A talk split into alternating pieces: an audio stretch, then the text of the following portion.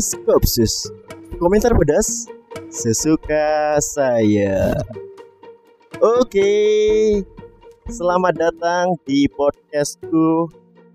Ini udah episode berapa ya? Dan kali ini adalah edisi spesial Pemuda hari ini.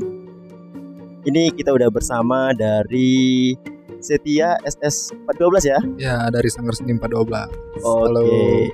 Sahabat-sahabat Kopsus Ah. Oke ya. Hmm. Ini teman-teman yang mungkin ada di noise, kita jadi live di noise. Namun karena ini adalah eh, bagian live episode, jadi kalian boleh bertanya ya, apa yang ingin kalian tanyakan boleh. Pendapat-pendapat dari salah satu pemuda di SS 412. SS 412 itu apa tuh? Satya? Ah, Oke perkenalkan nama aku Setia Ramadan Heeh. Dari Sanggar Seni 412 Fakultas Ekonomi dan Bisnis Jadi Sanggar Seni 412 eh, ini merupakan sebuah organisasi yang bergerak di bidang kesenian khususnya yang ada di kampus Universitas Riau. Oke. Nah, jadi di- sengaja dicabut. Katanya kresek-kresek. Jadi rekaman audio aja. Oke ya. Eh jadi Sanggar Seni ya. Ya, Sanggar Seni. Dan itu salah satu organisasi kampus. Ya, benar. Tapi kalau didengar sejarahnya ini kan dari ini ya, dari Unri ya, benar ya? Ya, benar dari Unri, dari ya, Jadi bukan hanya sekedar sanggar biasa kan. eh begini, eh, berbicara tentang sejarah ya. Oh iya. Berdiri. Kenapa Sanggar Seni 412? Karena berdirinya tanggal 4 bulan 12. Oh, itu tanggal. Iya, tanggal 4 bulan Desember. Dan Kira nomor togel. bukan dong. ya kan dikira kan. ya, jadi berdirinya itu tanggal 4 bulan Desember atau bulan 12 di tahun 1993. Oke. Iya. Itu 93-nya 93-nya nggak diikutin. Oh enggak ya. Jadi Iya. biar bagus ya. 4 12. 12. Keren. Kalau 4 12 93 kan terlalu panjang, ya kan? Jadi, Nah, jadi buat senior yang lagi dengerin live jangan marah ya. Ini kan pura-pura gitu. santai aja Bang, enjoy. Ah, Oke oke. Nah, jadi ada eh, kita lagi live di noise dan yang mau bertanya boleh bertanya. Kita kumpulin dulu. Nanti kita bakal bertanya ya Iya. tentang oke. seputar pembahasan kita. Oke. Pemuda hari ini. Pemuda hari ini. Ini SS pemuda ya? Pemuda dong. Ada Pemuda yang dan pemudi. uh, pemuda dan pemudi. Pemuda dan pemudi. Ya, mana tahu ada yang bukan pemuda gitu. Eh, kalau untuk sekarang ya pengurus dan anggota ya pemuda. Cuman kalau abang-abang kita dulu kan sudah nggak pemuda lagi. Oke, ya betul. Apalagi yang tahun 293 Iya, kan. 93, 2000 ya kan. Pasti pasti udah nggak muda lagi pasti. Iya, benar. Aduh. Kalau ngomong-ngomongin muda, ya Ya begitu. begitulah ya. Nah, apa sih sebelum kita masuk ke inti kita eh ingin tahu dulu tentang SS 412. Ah, SS 412. Eh begini, eh, di di Sanggar Seni 412 sendiri itu eh, banyak divisi ya seperti Hmm, ini saya sebutkan tidak semua ya karena kurang hafal juga ya kan. iya iya iya. iya. Ada yang divisi musik, divisi vokal, tari, teater, seni rupa, dan ada juga divisi non talentnya. Non talent ini seperti Non talent gimana itu? non talent ini seperti kayak humas, Oh. eh, kestari, Iya iya iya. terus ada Dia lebih pengurus lah. Eh, Iya, event organizer ada juga yang divisi itu gitu. Oh, ada IO. Ada, ada IO. Ya. Wedding mungkin bisa jadi ya? Wedding Enggak. eh, Atau dioper ke senior? mungkin jadi ini, jadi pengisi musik weddingnya Oh, aja. pemusik ya. wedding. Iya iya iya. Karena eh, jujur ya, kalau kita bahas tentang eh, event organizer atau Iya, iya. IO itu banyak yang masih mengira IO dengan WO itu Iya. sama. Beda dong. Beda Beda. dong. Beda kan? Beda, ya. IO ini lebih lebih universal sifatnya, ya lebih ke event-event yang ada seperti konser contohnya ya konser Oke. atau festival budaya itu IO kalau WO ya wedding organizer wedding Nah, jadi itu ya bedanya teman-teman ya jangan disamakan. Ini kan banyak yang juga nggak tahu Iya. kan. Ya, oke oke oke. Tapi kita ngomong tentang pemuda. mudah Kalau menurut dari Setia nih, apa yang udah pemuda lakukan di ya setelah kemerdekaan ini nih kira-kira apa yang udah pemuda lakukan? Atau sekarang deh? Eh, yang telah muda pemuda ya karena karena gini karena gini. Pemuda itu selalu eh, merupakan ambil andil besar di dalam bagian oh sejarah iya iya dong. Ya kan? Benar. maksudnya tuh pemuda salah satu supa- eh, yang menggerakkan kita untuk bisa bersatu adalah Sumpah Pemuda. Iya benar. Pemuda juga yang membuat kita merdeka. Mm. Pemuda juga yang me- yang melengsarkan Soekarno. Iya pemuda juga yang menjatuhkan Soeharto. Iya. Kalau menurut Setia Mm-mm. untuk pemuda hari ini Ya. apa yang sudah dilakukan oleh pemuda? Eh, ini eh kalau saya lihat ya pemuda-pemuda sekarang banyak yang sudah dilakukan. Seperti contohnya eh, mengusut eh, tentang kasus pelecehan seksual yang ada di Indonesia terus Oke, itu Unri kan? adalah kampus Tuweweo di sana ya kan Oke, oke, oke. ya eh, Tapi bukan jurusan kita. Iya bukan. Terus eh, itu kan cukup besar juga andilnya. Gimana? Karena menurut di sesuai data yang saya lihat di di internet itu ketika pemuda mengusut kasus itu mulai nih bermunculan kasus-kasus pelecehan di kampus-kampus lain yang dulunya nggak berani bersuara gitu. Banyak tuh dari kawan-kawan yang lain eh, mulai berbicara eh, di publik tuh. Terus eh, terus itu kan terus ya mengusut eh ini eh, kawan-kawan di khususnya di bidang saya ya di seni ya Hmm. itu kami kemarin eh, ada namanya event temu teman atau temu teater mahasiswa Nusantara itu kami berkumpul semua pemuda-pemudi seni seniman mahasiswa ya khususnya mahasiswa seluruh Indonesia itu berkumpul membawakan isu daerah masing-masing Hmm. Nah, contohnya itu ketika Provinsi Jambi, Jambi itu membawa isu tentang Sungai Batanghari. Nah, kenapa? Karena seni ini dengan isu sosial dan isu-isu yang ada itu sangat berdekatan menurut saya karena cara kita menyuarakan isu tersebut ya dengan cara kita dengan cara seni gitu. Itu yang telah kami lakukan eh, pemuda pemudi di Indonesia. gitu. Oke, jadi Ya, ya pemuda kalau apalagi kita yang di bagian sanggar Ah, ah. salah satunya untuk bisa mengapresiasi adalah sedih. iya. Tapi sadar nggak sih maksudnya tuh dulu tuh lewat sedih itu sangat berbahaya loh maksudnya tuh eh, banyak kayaknya ya kalau menurut aku tuh pemuda yang melakukan apresiasi lewat seni Ah. itu jauh lebih berbahaya jauh lebih baik. ketimbang pemuda yang melakukan apresiasi lewat mungkin kayak suara demo, apa aksi, demo gitu ya itu kayaknya lebih berbahaya Iya. contohnya salah satunya Ah gini, Wiji kema- Tukul belum ketemu kan Wiji Tukul. Nah ini yang terbaru ada. Iya. Ada ini eh, sedikit cerita menurut saya menarik ya karena dan juga seram juga ya men- menurut saya.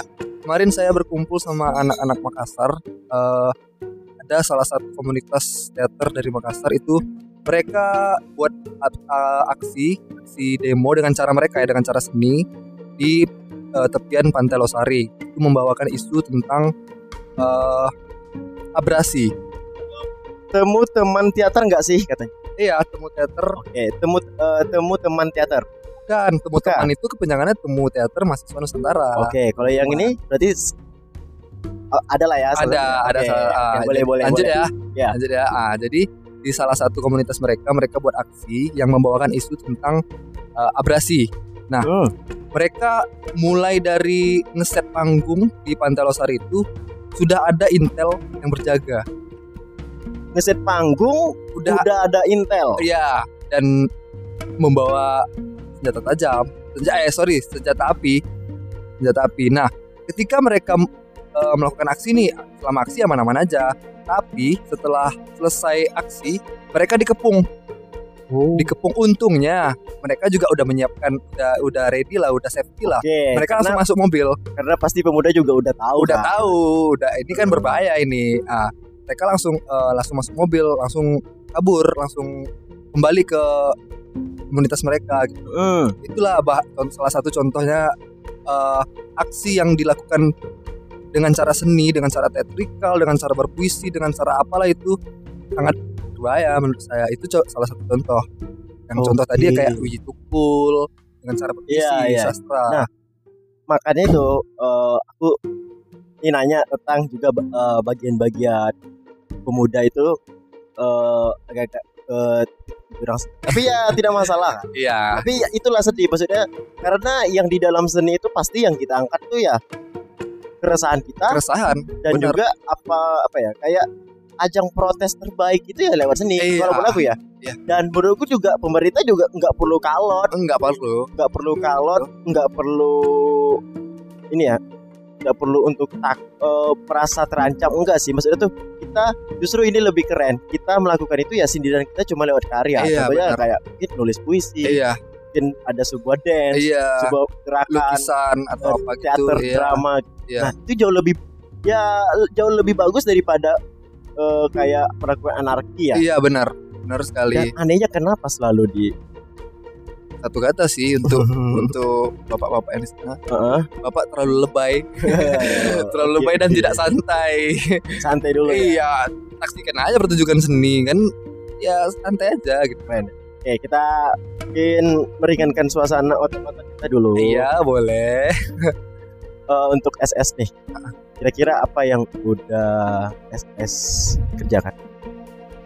jangan maksudnya ke depan atau tentang Hmm, masih berkaitan masih eh, berkaitan apa sih? tadi Kebanggaan atau yang yang dibesarkan dari SS itu apa? Keunggulan dari SS. nah yang terbaru nih Heeh. eh, begini kami Kalau nggak salah tiap angkatan kan beda-beda. ya ini ada cerita dari kami kami pas di ketika di temu teater itu itu kan eh berkumpul tuh semua seluruh Indonesia nah kami membawakan sebuah karya dari salah satu talent Sanggar Seni 412 juga Heeh.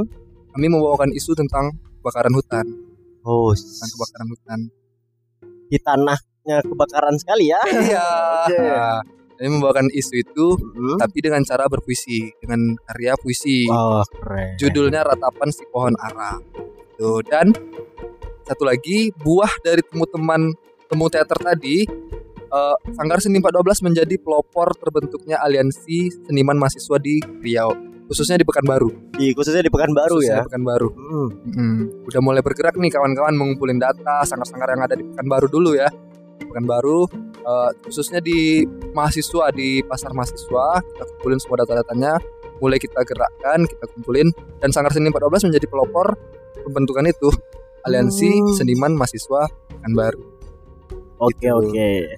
Iya, iya, iya. Mm-mm. Salah satu apresiasi yang perlu kita banggakan ya. iya eh untuk Pekanbaru sendiri kira-kira berdampak gak sih suara-suara pemuda suara-suara pemuda ya untuk di Ah. Pekanbaru sendiri waduh karena ya karena kalau menurutku sangat dampak apalagi di media sosial ya Iya.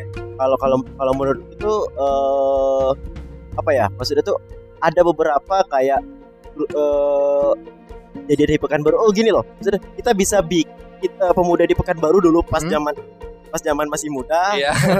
masa jadi pemuda ya pas pas pas masih jadi pemuda itu eh, kami pemuda Pekanbaru tuh bisa menggemparkan dunia pas asap.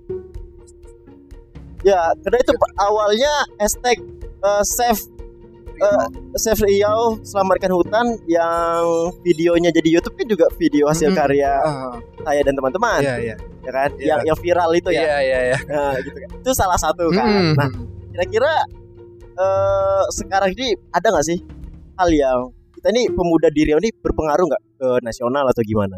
eh kalau nasional ya kalau nasional mungkin yang kasus kemarin yang tadi itu yang yang Oke. Ah, ah, Ah, kasus yang kemarin. yang kemarin yang salah satu kampus WWW itu ya Ya. eh, itu menurut saya itu sudah sangat menggemparkan nasional ya Ya. karena seluruh Indonesia tahu Dan tidak semua orang berani speak up. Iya bener itu menurut saya respect dan apresiasi berani speak up. Dan kawan-kawan di khususnya di kampus-kampus lain di seluruh Indonesia mulai berani speak up. Rupanya banyak loh yang kasusnya seperti itu gitu. Cuman selama ini masih ungkap. Tapi sejak kasus itu mulai di apa kan mulai dipublish di media sosial di mana-mana di jaring internet muncullah nih kawan-kawan yang lain berani public eh, berani speak up Oke gitu. oke. Tapi juga eh, kita sedikit bahas tentang pemuda gitu. Mm-mm. Pemuda-pemuda influencer di Pekanbaru nih Iya. yang yang yang kita bilang kayak eh, admin-admin besar Ah, gitu. itu banyak yang dari Pekanbaru loh. banyak Tapi sayangnya eh, tidak terekspos. tidak terekspos. Eh, eh, dan juga banyak admin secret itu Iya. kebanyakan dari Pekanbaru. Oh, Admin secret eh, di media sosial, Ah. baik itu dari TikTok, ya. Instagram, itu kebanyakan di Pekanbaru. Oh, baru tahu nih, ini baru Iya. dapat info juga nih kan. Eh, kalau admin yang no secret aku bilang itu yang kayak aku nggak tahu namanya sekarang apa ya, tapi, tapi lumayan gede itu eh, tentang bola itu timnas, timnas Timnas. U16 itu itu dari Pekanbaru. Iya. Terus ada admin dari Pekanbaru itu juga ada admin artis gitu. Hmm. Kayak inilah aku lupa namanya cuman dia akun-akunnya kayak kayak lambe-lambe tura gitu Iya, lah. iya, itu, iya, itu dari Pekanbaru. Iya. Terus juga apa lagi ya? Eh ini salah salah satu ad- akun e-sport, Sport berita-berita e-sport yang Ah. gede itu juga dari Pekanbaru. admin ya. Admin ya. Wah, respect juga apresiasi ya, jago. Dan kalau menurut aku kalau kita kalau untuk suara di media sosial sangat masih berpengaruh. Hmm. Dan kita masih pemuda kita tuh masih bisa eh, untuk di Riau ini masih ketika kita gerak kompak untuk tagarkan satu hashtag itu pasti biasanya tembus. Iya. Menurut saya eh, gelombang hashtag itu walaupun kalau orang awam melihat hashtag kurang kurang berdampak, nyatanya enggak. Enggak, enggak. Kalau seribu orang yang pakai hashtag yang sama itu udah udah bisa jadi viral gitu. Iya, iya. Iya. Dan itu juga sempat dilakukan SS kan ya? Mm-mm. apalagi dalam promo acara. Iya. Iya. Oh. Main-main main promote saja. Iya, member promo. Dan oke oke, kita kayaknya kita prestasi yang kita bacakan eh, dari tadi kayaknya sindiran pemerintah. Ada nggak yang lain? Wah ada dong. Ah, Eh, tidak hanya untuk SS, prestasi pemuda yang di tahun kemarin kan ada ibu-ibu mm-mm. Ya. eh, bilang apa yang sudah pemuda berikan Ah, Kemarin, ah, ah, ah. Enggak. Mm-mm. Nah, kalau setiap mau jawab, kira-kira apa yang Dalam artian prestasi ya. Eh, apaan ya? Kemarin sih baru saya lupa sih namanya eh, siapa. Itu dia menang olimpiade olimpiade apa ya lupa. Salah satu olimpiade lah di luar eh, di internasional di Jepang kalau nggak salah. Itu baru tuh ketika dia berdampingan tuh eh, dengan viralnya kemarin eh, Citayam Citayam Iya, itu ya. Oh iya. Tapi sayangnya malah dihujat. Iya.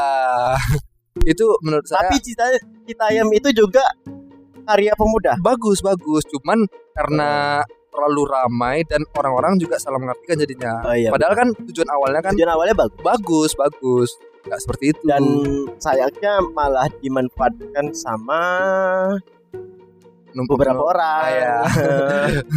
jadi bermasalah kan. iya kan? jadi bubar tuh tapi ya itu salah satunya maksudnya dan Citayam itu juga sebuah karya iya benar itu salah satu bentuk ekspresi loh salah satu bentuk mereka pemuda mengekspresikan diri dan bayangin karena Citayam tiga pemuda jadi kaya. Iya, iya Udah bisa tuh beli iPhone boba ya kan. Uh, di uh, standar tarafnya tiga pemuda tadi lah. Iya. Oke. Okay. الله الرحمن الرحيم إذا السماء انفطرت Masya Allah Itu siapa yang baca Al-Quran Ruth? Bagus sekali suaranya Tahsinnya juga bagus Alhamdulillah, itu Naila. Kamu inget kan yang waktu kecil suka kamu gendong itu? Masya Allah Rasanya baru kemarin ya Ruth Iya. Halo Ini siapa nih yang ganteng dan cantik? Hi Om, my name is Danis. You're my daddy's friends, aren't you? Wow, my daddy always tell us about you. And I am Nadia Om. Wow, one day I want to travel to America. May I visit your home there? Wah wah Anakmu luar biasa ya Ruth. Masih kecil bahasa Inggrisnya jago-jago. Dapat ilmunya dari mana nih? Anamiro dong, Om. Pasti sekolahnya di Anamiro karena TK, SD, dan SMP Anamiro Pekanbaru memang pilihan yang paling tepat untuk anak-anak Anda. Karena semenjak TK sudah diajarkan membaca Al-Quran dengan tahsin yang benar dan dibiasakan berbahasa Inggris di lingkungan sekolah, baik dengan guru maupun teman-teman. Tidak hanya akademik, di Anamiro juga dibekali pendidikan akhlak sehingga memiliki mental yang baik untuk masa depan anak-anak kita. Selain itu, anak-anak dikenalkan dengan teknologi berbasis digital sehingga tidak gagap menghadapi kecanggihan zaman di era milenial dan siap menyongsong Indonesia Emas 2045. Daftarkan anak-anak Anda di TK, SD, dan SMP Anamiro Pekanbaru. Jalan Marsan Sejahtera Pekanbaru, telepon 0761 630 77 atau www.anamiro1.com. Anamiro,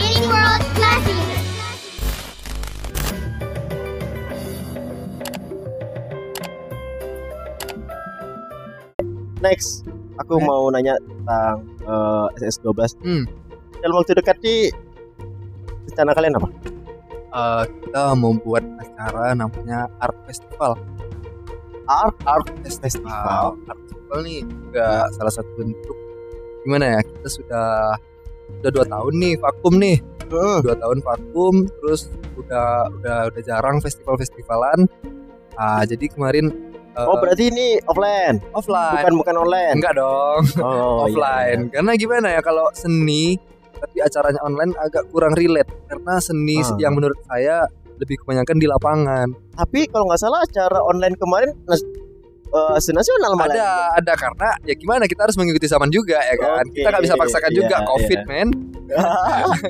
Gimana boleh gitu kan. boleh. ah itu art festival tadi. Art festival itu isinya eh, lomba band Ah, dance sama fotografi dan videografi. Dan juga kita juga eh, masukin juga eh, vid- eh, lomba online. Itu lomba TikTok. Tetap kita masukin lomba TikTok. Hmm, tapi lebih kebanyakan kan eh, 80 persennya di offline. Oke. offline Offline ya. tetap ya ya. Dan itu kapan? Tadi tanggalnya? insya Allah sekali lagi. insya Allah paling eh, besok putusan dari kawan-kawan pengurus rahasia Bulan Agustus.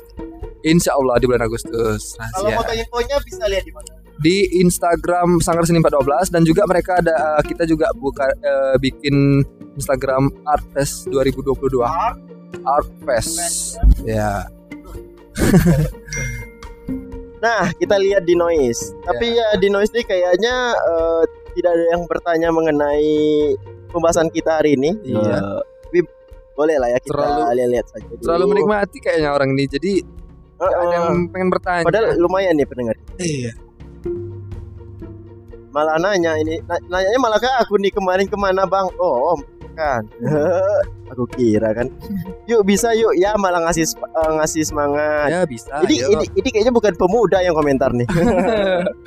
Oke oke, kita berarti kembali ke topik. oke Eh, kalau untuk eh, organisasi kampus organisasi kampus itu kan eh, maksudnya tuh aku ada ada punya keresahannya. Tapi aku memang jujur pengen nanya. Ya. Dan eh, aku juga bagian dari SS 12 Iya, gitu ya kan. keluarga besar kan. Dan salah satu eh, organisasi kampus Mhm. yang aku ikutin tuh cuman SS. Iya. Padahal aku aktif dulu ya waktu di luar ya kayak organisasi di luar itu aku, aku aktif. Eh, waktu masih sekolah tuh aku aktif organisasi malah ya udah masuk ke forum OSIS internasional juga eh OSIS nasional juga masuk gitu. kan. Oh, Tapi aku nggak mau ngambil eh, organisasi kampus seperti BEM, Sekret, eh Sekret pula BEM, itu PLM, ya. PLM itu tuh ya alasannya cuman ini eh aku tuh kayak nggak mau eh, terlibat di dalam politik dunia kampus karena politik di dunia kampus itu rasaku tuh ya sama aja kayak kayak politik politik yang seperti itu Ya. dan aku lebih beraliran kiri Kiri. eh lebih orang yang suka mengkomentari malahan dari kegiatan-kegiatannya Hmm, nih dan karena itulah aku masuk SS. SS Seni ya. Kalau menurut dari ini kita still still dikit BEM Riau, eh BEM Unri, Apa tuh? gimana sih kebijakan dari uh, BEM Unri? Jangan Ya. Vekon deh, Unri. Kalau Vekon sih Nanti kayaknya senior aja yang jawab. Iya. Kalau yang Undri aja. Kalau yang Undri ya gimana? Karena kalau Vekon kan cek cek cek. Iya iya ya, sorry sorry. Lanjut. Soalnya kalau Vekon Mm-mm. eh itu lebih sedikit jangkauannya. Kalau Hmm. Undri kan universitas nih. Ya. Pendengar kita kebanyakan nasional ya. Asik. Aduh, apa dikit lah, apa? Kalau menurut aku ya, Ya. Di Universitas Riau ya, ya ada baik dan ada tidak baiknya. Pasti dong. Pasti dong. Karena kalau semua orang baik itu nabi.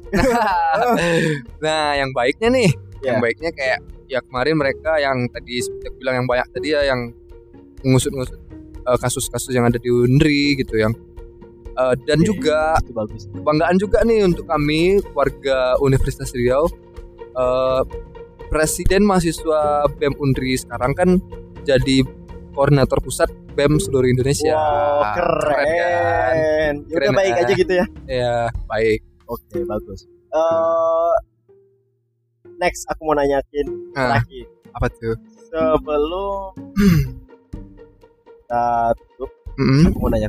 Ah.